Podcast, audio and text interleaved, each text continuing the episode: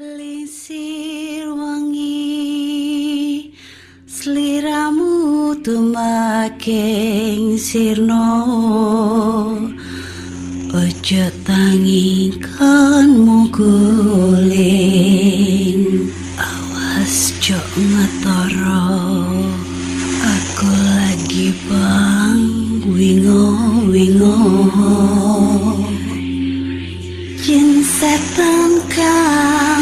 kang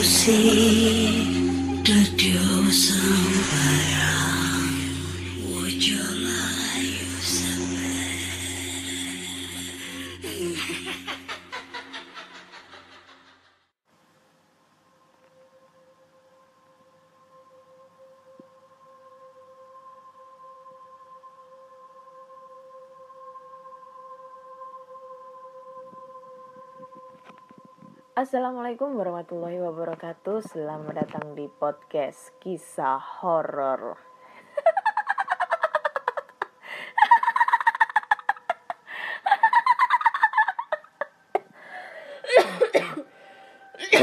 Ada batuk cuy. Oke, masih bersama dengan Ana di sini yang akan membacakan cerita horor ataupun email berhantu yang sudah dikirimkan teman-teman melalui podcast kisah horor at gmail.com ataupun di DM Instagram podcast kisah horor dan DM Instagram Ana Olive. Ya, eh, hari Kamis malam mingguan ya. Wow, nggak berasa lagi kurang sekitar 2 sampai 3 minggu lagi kita akan melaksana eh, memperingati tahun baru pergantian tahun di 2021 ke 2021 ya. Ya, planning apa yang kalian rencanain? Planning kan rencana sih. ya, planning apa yang kalian siapin untuk menuju ke tahun 2021? Mungkin mau berlibur. Eh, tapi jangan deh kalau berlibur. Lagi Covid gini kan ya agak kurang ya gimana lagi ya namanya juga Covid kita harus uh, stay at home, stay safe, jaga kesehatan, sering berolahraga dan kurangi untuk interaksi dengan orang lain di luar sana kayak gitu.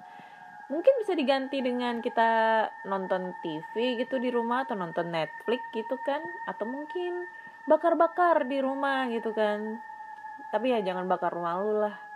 Yang ada ntar malah jadi sarang hantu. Oke, hari ini aku akan membacakan cerita horor dan udah banyak banget yang masuk ya. Ini ceritanya udah sekitar ah, ada ratusan email ya. Iya, ratusan email. Ini kayaknya ganggu banget deh. Jadi sorry ya, mohon maaf banget kalau semisalnya setiap di di podcast aku itu ada suara berisik-berisik, kresek-kresek-kresek kayak gitu. Karena jujur aja aku ngepodcast ini manual cuma pakai handphone dan nggak ada holdernya. Jadi aku pegang gini doang gitu loh. Jadi pasti banyak banget suara-suara yang tidak diundang datang tak dijemput pulang nggak diantar. Cilangkung dong. Oke. Langsung aja kita bacakan cerita pertama. Cerita pertama datang dari email. Dan ini pengirimnya yang kemarin sudah cerita tentang penghuni rumah angker ya. Penghuni rumah angker yang harganya 10M itu. Dan ini dia melanjutkan cerita yang judulnya adalah penghuni ruko 20 tahun. Kosong. Hai Kak Ana, kembali lagi aku kirim cerita karena ada banyak banget cerita yang aku alami. Ceritaku ini panjang banget, jadi kalau mau di next ke cerita lain, aku gak masalah. Kalau enggak, ya aku lanjut nulis nih. Sebelum nulis, aku masih kasih keterangan dulu. Aku mau kasih keterangan dulu. Cerita ini aku alami sudah lebih dari 13 tahun yang lalu, di mana aku masih hidup di Jakarta. Zaman kegelapan atau bahasa agamisnya zaman jahil jahiliyah untuk diriku. Karena isi cerita ini bermuatan tentang kriminal dalam hal pencurian. Aku mohon maaf jika itu sedikit tidak berkenan bagi pendengar maupun Kak Ana sebagai pembaca, harap dimaklumi. Itu hanyalah masa lalu, Jadi jangan dibully ya kak. Sekarang aku sudah jadi orang baik kok. Hmm, jangan diulangin lo ya. Oke, cerita ini berawal saat aku masih kerja sebagai kuli bangunan di Jakarta. Aku dikirim ke sebuah bangunan ruko yang akan direnov di daerah sawah besar. Gak perlu aku sebut jalan apa, tapi jalan itu akan tembus ke jalan Gunung Sahari atau Jembatan Merah. Orang Jakarta mungkin tahu ini jalan. Ruko yang mau direnov itu udah dua tahun kosong. Sebelah kanannya ada ruko konveksi, masih isi.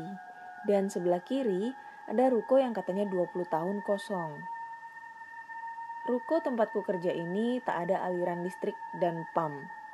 Kita para pekerja harus nyambung pam ke meteran depan ruko.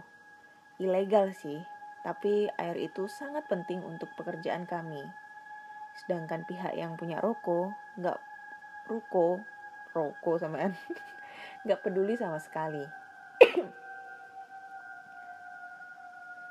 Dan untuk ngecas HP kami harus ke warteg tak jauh dari sini untuk menyewa colokan dan nitip cas HP. uh, batuk terus. Hanya berjarak dua ruko saja dari tempatku, dan warteg itu berada di sebelah pos satpam.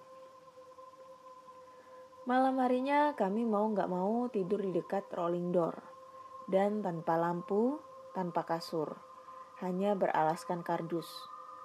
Untungnya, di depan ruko sebelah yang 20 tahun kosong itu, ada penjual mie ayam yang buka dari jam 9 pagi sampai jam 12 malam. Jadi sedikit ada cahaya masuk melalui rolling door yang terbuka. Oh ya, ruko itu berlantai empat. Lantai empatnya atau yang paling atas adalah tempat toren air dan jemuran. Kami bekerja seperti biasa, tanpa kendala. Hingga hari ketujuh kami di situ, salah satu tukang kami yang lagi bodemi, oh bodemi itu ketok tembok gitu ya jatuh ke lantai tiga dia jatuh dari tangga BI dan lukanya cukup parah kakinya robek dan darahnya cukup banyak keluar lengannya juga robek Ih, ya ampun lengannya juga robek hingga tulangnya terlihat anjing Aku segera nelpon mandor dan akhirnya temanku itu dibawa ke klinik. Aku nggak sempet nanya kenapa dia bisa jatuh. Dan itu benar-benar hal bodoh buatku. Kenapa aku gak nanyain ke dia? Jika dia bercerita tentang kenapa dia jatuh, mungkin aku pun akan berhati-hati yang berada di tempat itu. Waktu itu aku seorang peminum dan suka nongkrong ke diskotik. Jadi butuh uang banyak buat ke sana. Saat itu aku berada di PT besar yang kerjanya itu dari jam 8 pagi sampai jam 5 pagi. Namun dengan gaji besar. Cukup untuk pergi ke klub malam. Maaf ya, ini realita saat dulu aku di Jakarta sebelum Hidayah datang. Iyalah, Jakarta tuh kota metropolitan. Katanya kalau ke Jakarta nggak ke diskotik nggak keren, katanya gitu. Di tempat kerjaku di ruko ini aku hanya kerja normal. Selama sehari nggak ada lemburan. Kerja hanya dari jam 8 pagi sampai 4 sore dengan bayaran 41 ribu waktu itu. Kecil sekali dan gak akan cukup buat ke klub malam yang ngabisin uang sampai beberapa juta. Hingga akhirnya Inisiatif buruk muncul karena kekurangan dana. Temanku yang punya rencana, namanya Selamat, nama asli ya. Dan satunya lagi Roji. Mereka berniat masuk ke ruko sebelah yang kosong. Karena mereka dapat info dari teman yang lain yang telah lebih dulu kerja di ruko tempatku kerja itu, bahwa di ruko sebelah itu banyak kabel. Kuningan kabel waktu itu harganya 80.000 per kilo. Dan kata temanku yang sesat itu, di ruko itu bisa bikin kita kaya. Waktu itu aku juga sudah gak tahan ingin ke tempat dugem. Akhirnya kami bertiga sepakat malam Kamis akan memulai aksi pencurian. Malam Kamis, kami sudah bersiap ke ruko kosong itu. Dan tepat jam satu malam, kami masuk ke sana lewat balkon balkon atas menggunakan tangga bambu melewati dinding pembatas antar ruko. Keadaan sudah sepi ya, hanya ada beberapa motor yang lewat. Kami masuk dan di lantai empat ruko itu terlihat kabel-kabel yang sudah bergelantungan dari atas ternit. Kami hanya menggunakan penerangan HP. Waktu itu belum ada flashnya, masih pakai layar HP-nya. Kalau pakai senter, ntar ketahuan satpam depan. Malam pertama itu kami hanya explore explore lantai itu saja dan dapat kabel cukup banyak. Lalu akan dilanjutkan malam besok. Hari Kamis sore, kuningan kabel dijual ke lapak barang bekas dan uangnya dibagi rata. Lumayan dapat 400 ribu per orang. Dan saat itu juga uang ludes untuk berpesta. Malam Jumat, temanku yang namanya Roji merasa nggak enak badan. Jadi dia nggak bisa ikut. Akhirnya cuma aku dan Selamat saja yang beraksi.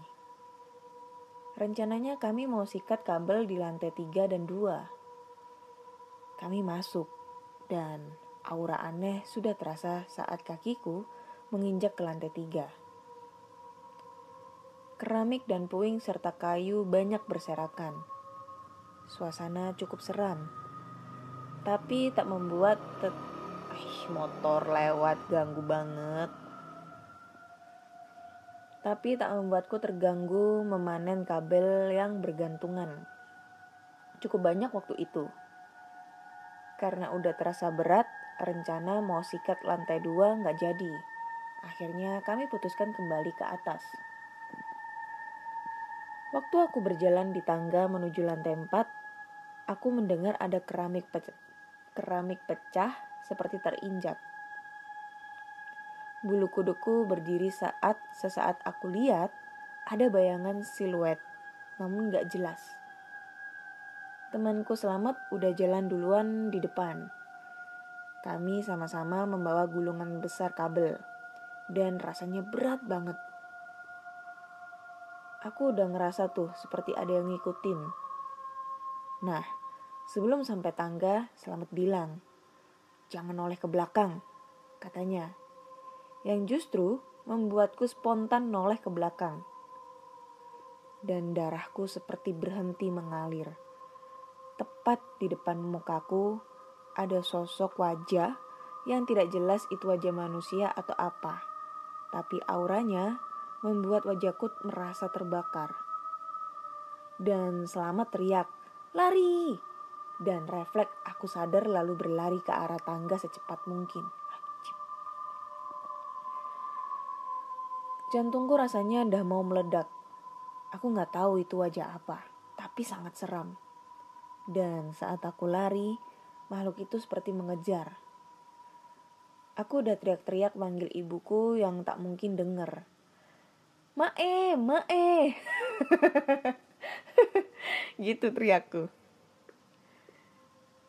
Sesampainya di lantai 4, aku langsung menuju balkon depan bersama eh balkon depan bersama Selamat untuk segera naik tangga dan nyebrang ke ruko tempat kerjaku.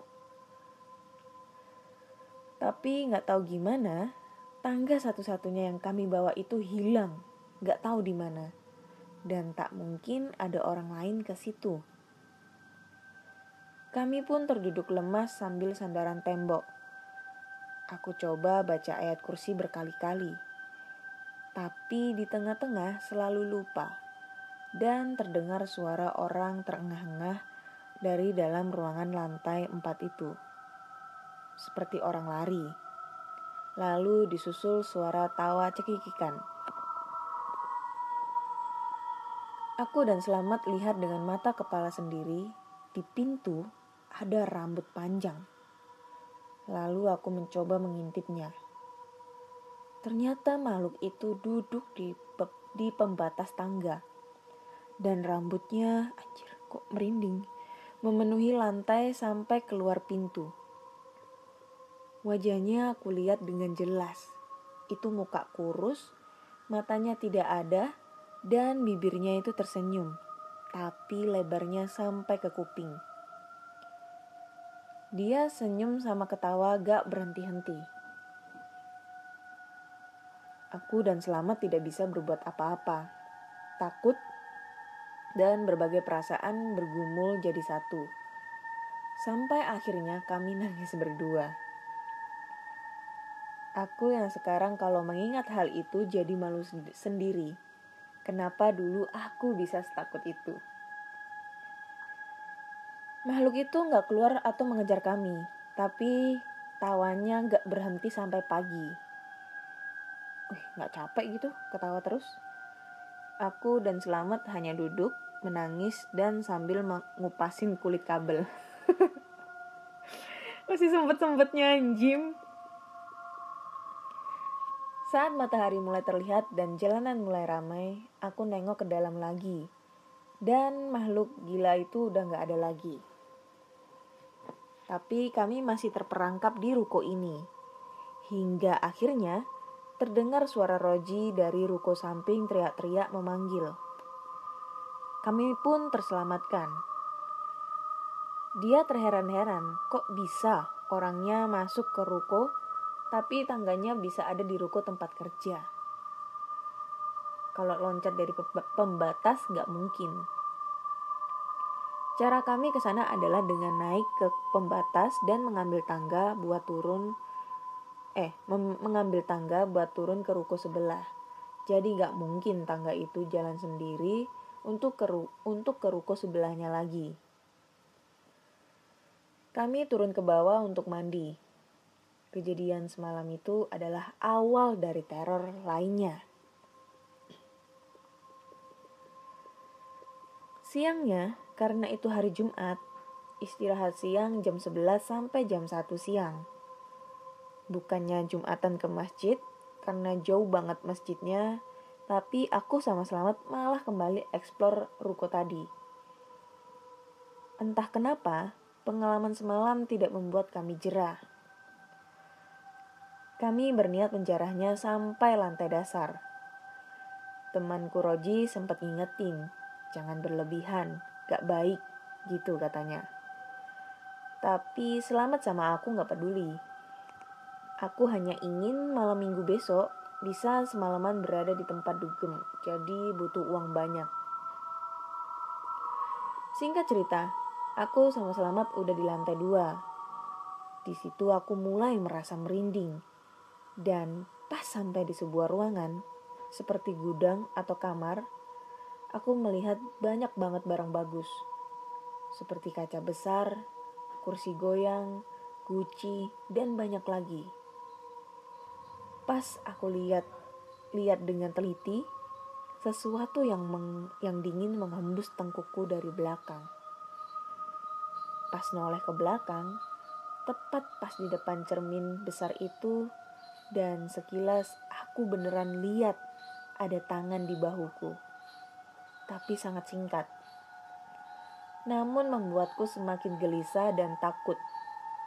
Sampai akhirnya, Selamat tiba-tiba bilang, Aneh ya, semua tempat hancur berantakan. Langit-langitnya, langit-langitnya hancur, lantai hancur, tangga juga hancur. Kenapa di kamar ini bersih banget? Ucapnya yang justru membuat hatiku jadi tambah gak tenang. Tapi emang benar, kata dia. Benda-benda di situ bersih semua. Tak ada debu dan tanda-tanda tempat ini kosong begitu lama. Tapi kenapa cuma kamar ini? Perasaanku semakin gak enak. Selamat mengingatkan untuk tidak membawa barang-barang yang ada di kamar itu. Feelingnya cukup bagus, karena aku juga khawatir dengan tempat itu. Lantai dua sudah kami protoli kabelnya. Tinggal lantai satu atau dasar yang belum. Kabel yang sudah kami kumpulin tadi kami taruh de- kami taruh dulu di depan pintu kamar itu. Lalu kami perlahan turun menyusuri tangga yang sudah hancur berantakan keramiknya. Pas pegangan tangga itu, kupegang, tiba-tiba besinya lepas. Saking rapuhnya, pikirku. Keanehan di lantai paling bawah ini lebih parah. Tepat di akhir tangga. Apa tadi? Anjing? Suara apa tadi anjing? Ada sumur bong selebar satu meteran. Ini gila banget. Ada sumur tepat sebelum naik tangga. Yang bikin yang bikin udah gila, kata Selamat. Kami harus lewat di pinggirnya untuk nyebrang ke lantai. Waktu ke depan dekat rolling door ruko. Di luar terdengar ramai. Pertanda banyak orang tengah makan di warung mie ayam depan ruko. Dan di dekat rolling door itu banyak meja dan kursi bertumpuk. Tidak ada kabel sama sekali. Hanya ada satu pintu gerbang besi. Akhirnya kami ke belakang ruangan. Dan ruangan itu sudah hancur gak berwujud. Kamar mandinya runtuh, sisa baknya yang masih terlihat. Namun juga gak wujud. Dan saat sedang bingung nyari kabel, Selamat lihat ada kabel tanah di beton. Lalu dia naik ke pundakku dan dengan gergaji besi kecil yang dia bawa, dia mulai bekerja. Sementara aku yang sebagai pijakan harus menahan tubuhnya. Pada saat asik kerja, Selamat tiba-tiba goyang-goyang kakinya, kayak nggak tenang. Lalu dia bilang dengan nada gugup, Cepet baca ayat kursi. Aku langsung paham dan segera membacanya. Beruntung aku nggak lihat apa yang selamat lihat. Jadi bacaan ayat kursiku lancar. Tapi kata selamat, makhluk itu nggak pergi, malah tambah melotot. Aku nggak nanya makhluk apa. Aku hanya menebak itu seperti yang semalam. Tapi entah kenapa, kalau itu makhluk yang semalam, aku tidak begitu merasa takut banget.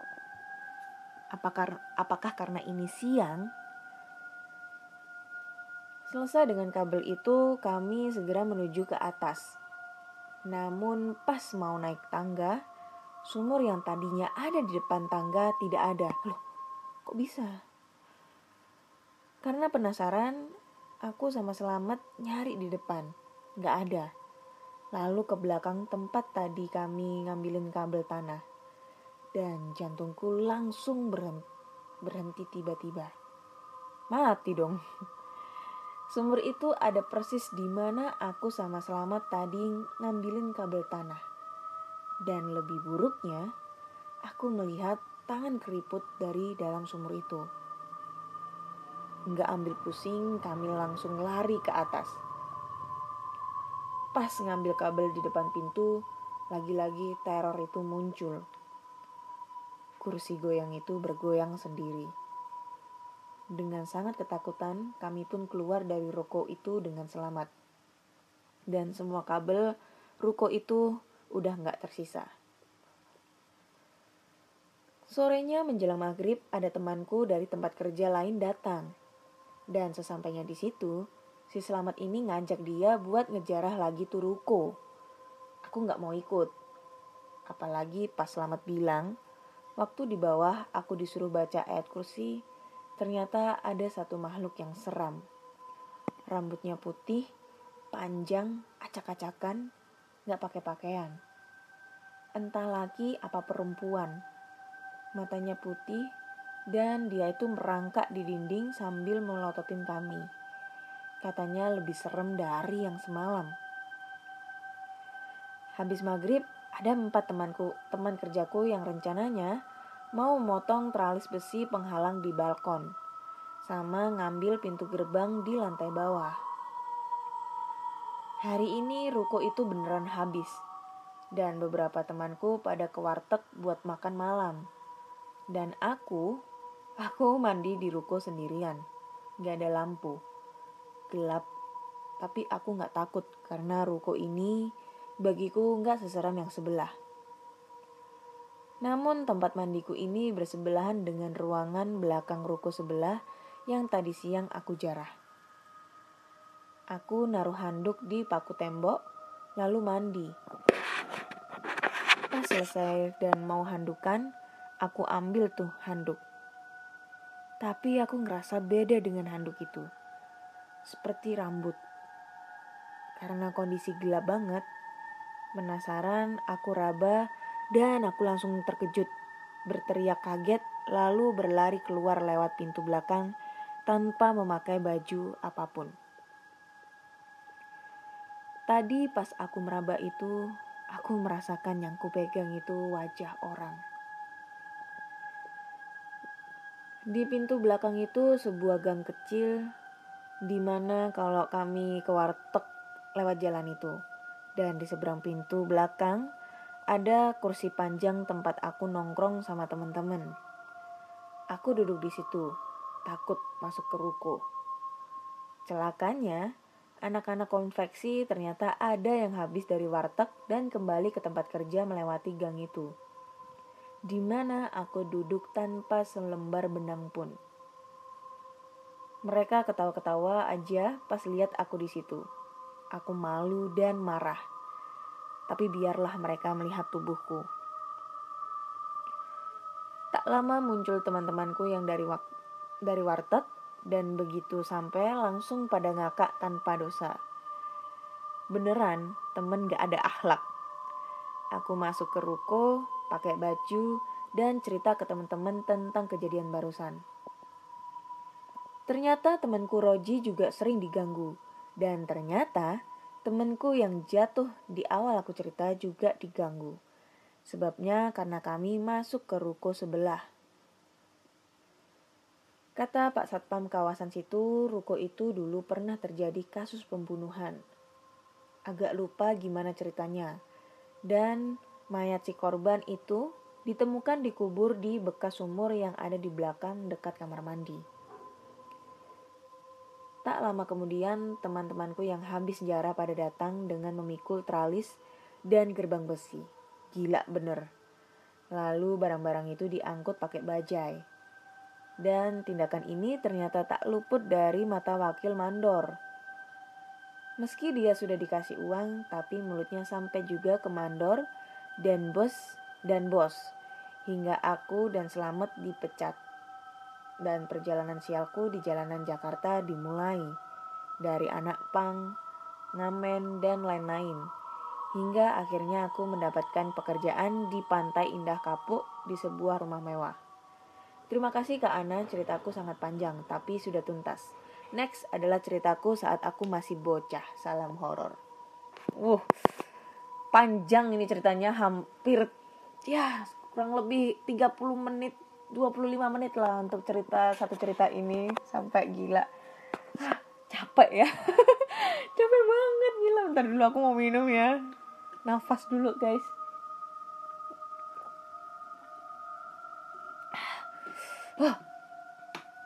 Tapi gila lah. Ini jangan patut eh jangan patut.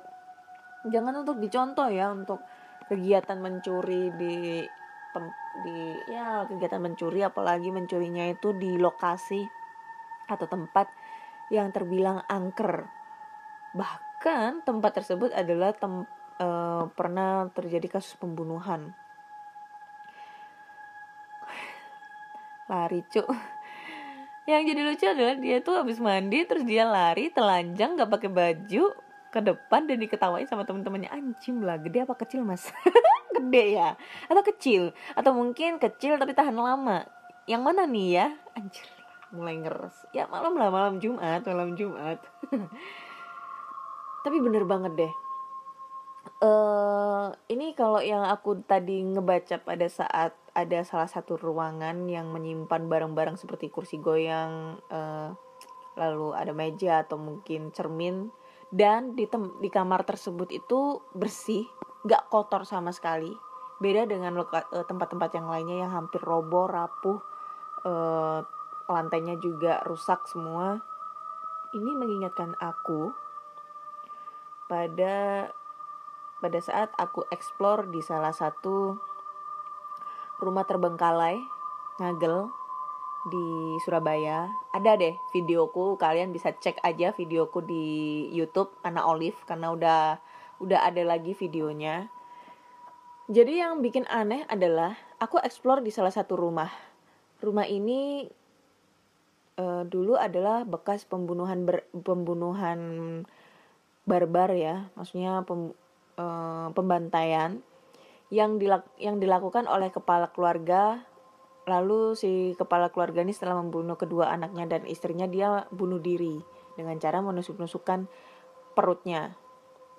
Nah, pada saat aku explore di tempat itu, semua lokasi di situ tuh udah mau roboh semua. Dari ya pada saat kita jalan ke depan pun itu udah mulai roboh ya. Genteng-gentengnya, kusen-kusennya itu udah pada dimakan rayap. Gentengnya udah roboh jadi kalau hujan air bisa masuk. Jadi udah nggak udah berantakan banget nah pas anehnya itu ada di kamar bekas pembantaian. Di kamar tersebut ini dia masih kokoh berdiri utuh. Lantainya tidak rusak tidak ada air masuk sama sekali. Padahal padahal kamarnya ini posisinya ada di belakang. Uh, di belakang itu lokasinya itu tidak ada atap. Jadi los gitu ya nggak ada atap terus ada pohon di sana. Aku pernah udah pernah cerita ya ini di episode episode sebelumnya tapi aku lupa di episode berapa. Sering banget aku cerita. Dan itu di situ ada pohon sampingnya pohon itu sumur. Nah depannya depan kamar bekas pembantaian ini adalah uh, apa kamar mandi gitulah kamar mandi sama kayak semacam kamar lainnya. Dan anehnya ini kamar ini dua tiga kamar ini di depan itu udah hancur semua lah uh, gentengnya ambles lah apa segala macam pintunya juga rapuh. Pokoknya berantakan dan banyak daun-daun yang berserakan ke sana. Tapi yang aneh adalah kamar bekas pembantaian ini. Dia sangat bersih kamarnya tidak ada kotoran sama sekali, hanya debu saja. Lalu eh, rontokan daun-daun kering itu nggak ada yang masuk sama sekali di kamar itu, padahal pintu terbuka. Dan anehnya adalah, ya itu tadi, tidak ada genteng-genteng yang roboh itu nggak ada sama sekali. Di dalam itu adalah eh, tempat untuk pembantaian. Di salah satu temboknya adalah uh, ada tulisan darah dari si ayah memakai darah istrinya. Lalu ada kasur tumpuk tiga yang dipercaya di kasur itu masih ada bekas darahnya. Dan di atas kasur paling atas itu ada buku doa. Ya kalau aku kalau uh, mungkin orang Katolik ya karena uh, setahu aku kalau salibnya ada Tuhan Yesus itu dia Katolik gitu kan itu anehnya gak ada sama sekali itu uh, kotoran-kotoran yang masuk di sana kecuali debu doang debu aja dan itu debunya tuh nggak begitu tebel dan itu rumah itu nggak ada yang pernah mau masuk ke sana siapa juga yang mau masuk membersihkan ke sana soalnya udah pada roboh semua kalau kalian penasaran kalian bisa cek aja di channel YouTube aku atau mungkin kalian bisa lihat di versi siangnya. Itu gimana? Karena versi siang itu itu explore aku yang terakhir ya. Explore aku terakhir yang sebelum aku uh, explore malam hari itu. Itu lebih jelas sih untuk yang ke area kamarnya itu tuh bersih banget. Nah itu ngingetin aku sama kejadian itu tapi waktu aku explore di sana malam yang pertama kali malam aku explore malam di sana itu ada dua kali aku nggak pernah merasain merinding atau takut atau apa pun itu tapi pada saat aku explore siang ya nggak siang-siang banget lah nggak sore gitu ya menjelang sore gitu. Hawanya itu beda banget dan apa ya merinding gitu loh. Beda banget. Nggak tahu kenapa. So, bagi kalian jika penasaran, kalian bisa langsung aja cek di video aku di channel YouTube aku Ana Olive. Dan ini juga aku udah pernah cerita di podcast Sersan Horor sama podcast bagi horor. Nah, itu. Kalau podcast bagi horor itu ada bang ada itu. Dia ngejelasin dan ditampilin fotonya. Ya, rencana sih mau collab ya kalau dia mau. Soalnya si Arga kemarin aku aku ajak nggak tahu deh. jadi kangen explore lagi nih gak tahu deh mau explore apa kagak ya uh udah hampir udah setengah jam tambah satu cerita lagi ya ini ya karena ini cerita yang pertama panjang banget ini ya kita tambah satu cerita lagi next cerita kedua cerita terakhir Ntar. cerita terakhir Cerita terakhir da, uh, dikirim sama Sondang Arianti S. Halo podcast kisah horor. Perkenalkan nama aku Sondang. Ini kisah yang dialami temanku. Namanya Angel. Ia sekolah di SMA Negeri 1 di daerah Bogor. Sekolahannya memang sangat seram karena dikelilingi kuburan. Namun itu dulu. Sekarang sudah tidak ada. Karena sudah banyak bangunan. Dan setauku, kuburan itu hanya diratakan saja. Makanya banyak arwah yang berkentayangan. Pada waktu itu ia uh, menjadi paskibra. Pasukannya akan mengikuti lomba dan setiap hari mereka selalu latihan di sekolah, kira-kira sampai jam 7 malam. Entah kenapa hujan pun turun, padahal tadi sore sangat cerah. Ya sudahlah, tak apa. Lagi pula eh, dia nggak ingin cepat pulang. Karena ia hanya tinggal sendiri waktu itu, dan tiba-tiba kakak kelasnya mengajaknya dan temannya untuk jalan-jalan mengelilingi sekolah dan Angel mengiyakan. Kita men mereka menuju ke kelas paling ujung. Namun saat mereka asik berjalan, tiba-tiba Angel merasa ada sesuatu yang aneh. Tiba-tiba langkah kakak kelas Angel berhenti dan Angel menatapnya. Dia seperti ketakutan.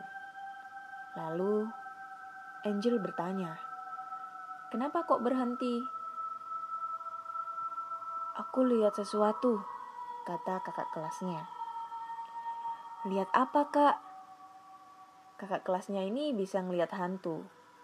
Tiba-tiba kakak kelasnya menutup mata Angel dengan tangannya. Kira-kira tiga detik. Coba sekarang lihat deh ke ujung sana. Dia menunjuk ke arah kelas paling ujung. Namun Angel tak melihat apa-apa karena keadaan saat itu masih sangat gelap, apalagi di ujung sana. Namun Angel tetap melihat ke ujung kelas itu. Tiba-tiba suara petir pun mengejutkan Angel. Dan yang lebih mengejutkan, Angel melihat pocong di ujung sana. Karena ada petir yang menyambar dan mengkilat, Angel melihatnya dengan kelas, dengan jelas. Tinggi besar dan pocong itu menatap ke arah Angel.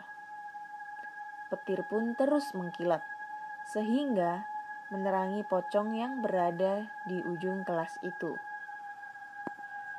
Angel dan temannya langsung menjerit. Ia merasa sang ia uh, ia rasa sangat kencang sekali dan mereka pun langsung lari ke kelas.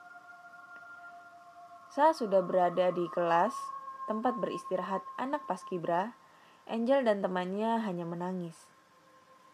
Teman-temannya yang lain tidak tahu apa yang terjadi. Lalu penjaga sekolah pun datang. Tapi dia bertanya kepada kakak kelasnya, dan dia pun menjelaskannya. Penjaga sekolah itu pun mengatakan sesuatu. Udah neng, jangan takut. Di sini mah emang banyak hantu. Memang, memang apa ya? Memang aja yang tiap hari tidur. Oh, mamang aja yang tiap hari tidur di sini sering banget diisengin. Ada yang ngetuk-ngetuk pintu, nangis, ketawa, lari-larian. Banyak deh pokoknya. Tapi ya memang mah udah biasa. Tuh di pojok situ juga ada tuh. Spontan teman-temannya yang lain pun langsung ketakutan. Dan akhirnya mereka pun ingin segera pulang. Padahal hujan semakin lebat, tapi tidak dihiraukan. Daripada harus berlama-lamaan di sekolah. Saat Angel sampai di rumah, Angel masih merasa ada yang aneh. Sama seperti yang ia rasakan tadi. Loh, udah gitu ceritanya? Kepotong anjim, gak ada terusannya ini. ya itulah ceritanya uh, tentang si Angel yang uh, temannya si Sondang ya. Yang di di apa di uh, di diliatin Mas Poch gitu ya serem juga nih ya kalau misalnya kita menempatin suatu bangunan yang dulunya adalah um, makam lalu diratakan begitu saja tanpa harus dipindahkan itu jenazah-jenazahnya ya jadi angker dong. Tapi emang sih kalau sekolah bangunan-bangunan sekolah seperti sekolah kantor rumah sakit itu emang terbilang sering banyak banget kejadian-kejadian horor yang tidak kita inginkan kayak gitu ya. Ya ya gitulah dari pengalaman dari semua cerita ini yang menurutku yang paling gregetin yang cerita pertama ya selain ceritanya panjang banget dan detail jelas selain itu juga membuat aku merinding dan mengingat-ingat tentang kej eh, kejadian pada saat aku explore di salah satu tempat terbengkalai yang yang juga lokasi tersebut adalah bekas pembunuhan pembantaian satu keluarga. Itu deh. Kalau kalian penasaran nih yang orang Surabaya nanti uh, bisa aja nanti ke DM aku nanti aku anterin ke tempatnya. Mau siang mau malam monggo. Saya anter nih mungkin kalian pengen tahu lokasinya dan pengen tahu uh, suasana di sana apalagi yang anak-anak indigo. Indigo indihome indovision indomie seleraku siapa pun itu mungkin kalian punya kelebihan untuk melihat bisa deh. Nanti hubungin DM nanti aku antar ke sana. Khusus yang di Surabaya ya Oke, okay, thank you banget udah ngedengerin podcast kisah horor di episode ke-65. So, bagi kalian yang suka dengan cerita horor atau mempunyai cerita horor, pengalaman horor dari pengalaman diri kalian sendiri, kakak, adik, ibu, ayah, eh, kakek, nenek, saudara kalian, tetangga, teman, pacar atau selingkuhan selingkuhan kalian kalian bisa langsung aja kirim cerita ke podcast kisah horor at gmail.com podcast kisah horor at gmail.com ataupun di DM, di DM Instagram podcast kisah horor dan DM Instagram Ana Olive. Dan podcast kisah horor bisa langsung didengarkan melalui Spotify, Google Podcast, Apple Podcast ataupun Anchor. Jangan lupa follow agar kalian selalu update tentang cerita-cerita horor terbaru. Dan jika kalau kalian pengen pengen apa namanya eh, kirim-kirim cerita bisa deh nanti. Yang kirim ah apa sih aku ngomong apa sih ini? Aku agak bingung ya ini ya. Kenapa ya? Ya itulah pokoknya stres aku jadinya. Aku jujur ya aku ini ngomong ini sambil merem karena kebayang-bayang. Tadi si masnya itu keluar gitu kan. Habis mandi dia keluar dia lari keluar nggak pakai baju. Jadi aku kebayang-bayang itu ya ampun Ana lu jablay ya. Nggak nggak kok mas. Aku nggak pengen kok. Maksudnya nggak mau sama kamu lah. Jauh. Harus janji ya Allah. Apa sih iki. Kok jorok banget sih pikiranku. Gede gede nggak sih mas punya lu anjing lah. Oke. Terima kasih udah ngedengerin podcast kisah horor. Nantikan uh, cerita-cerita horor di episode ke di 66 saya Ana undur diri. Bye bye.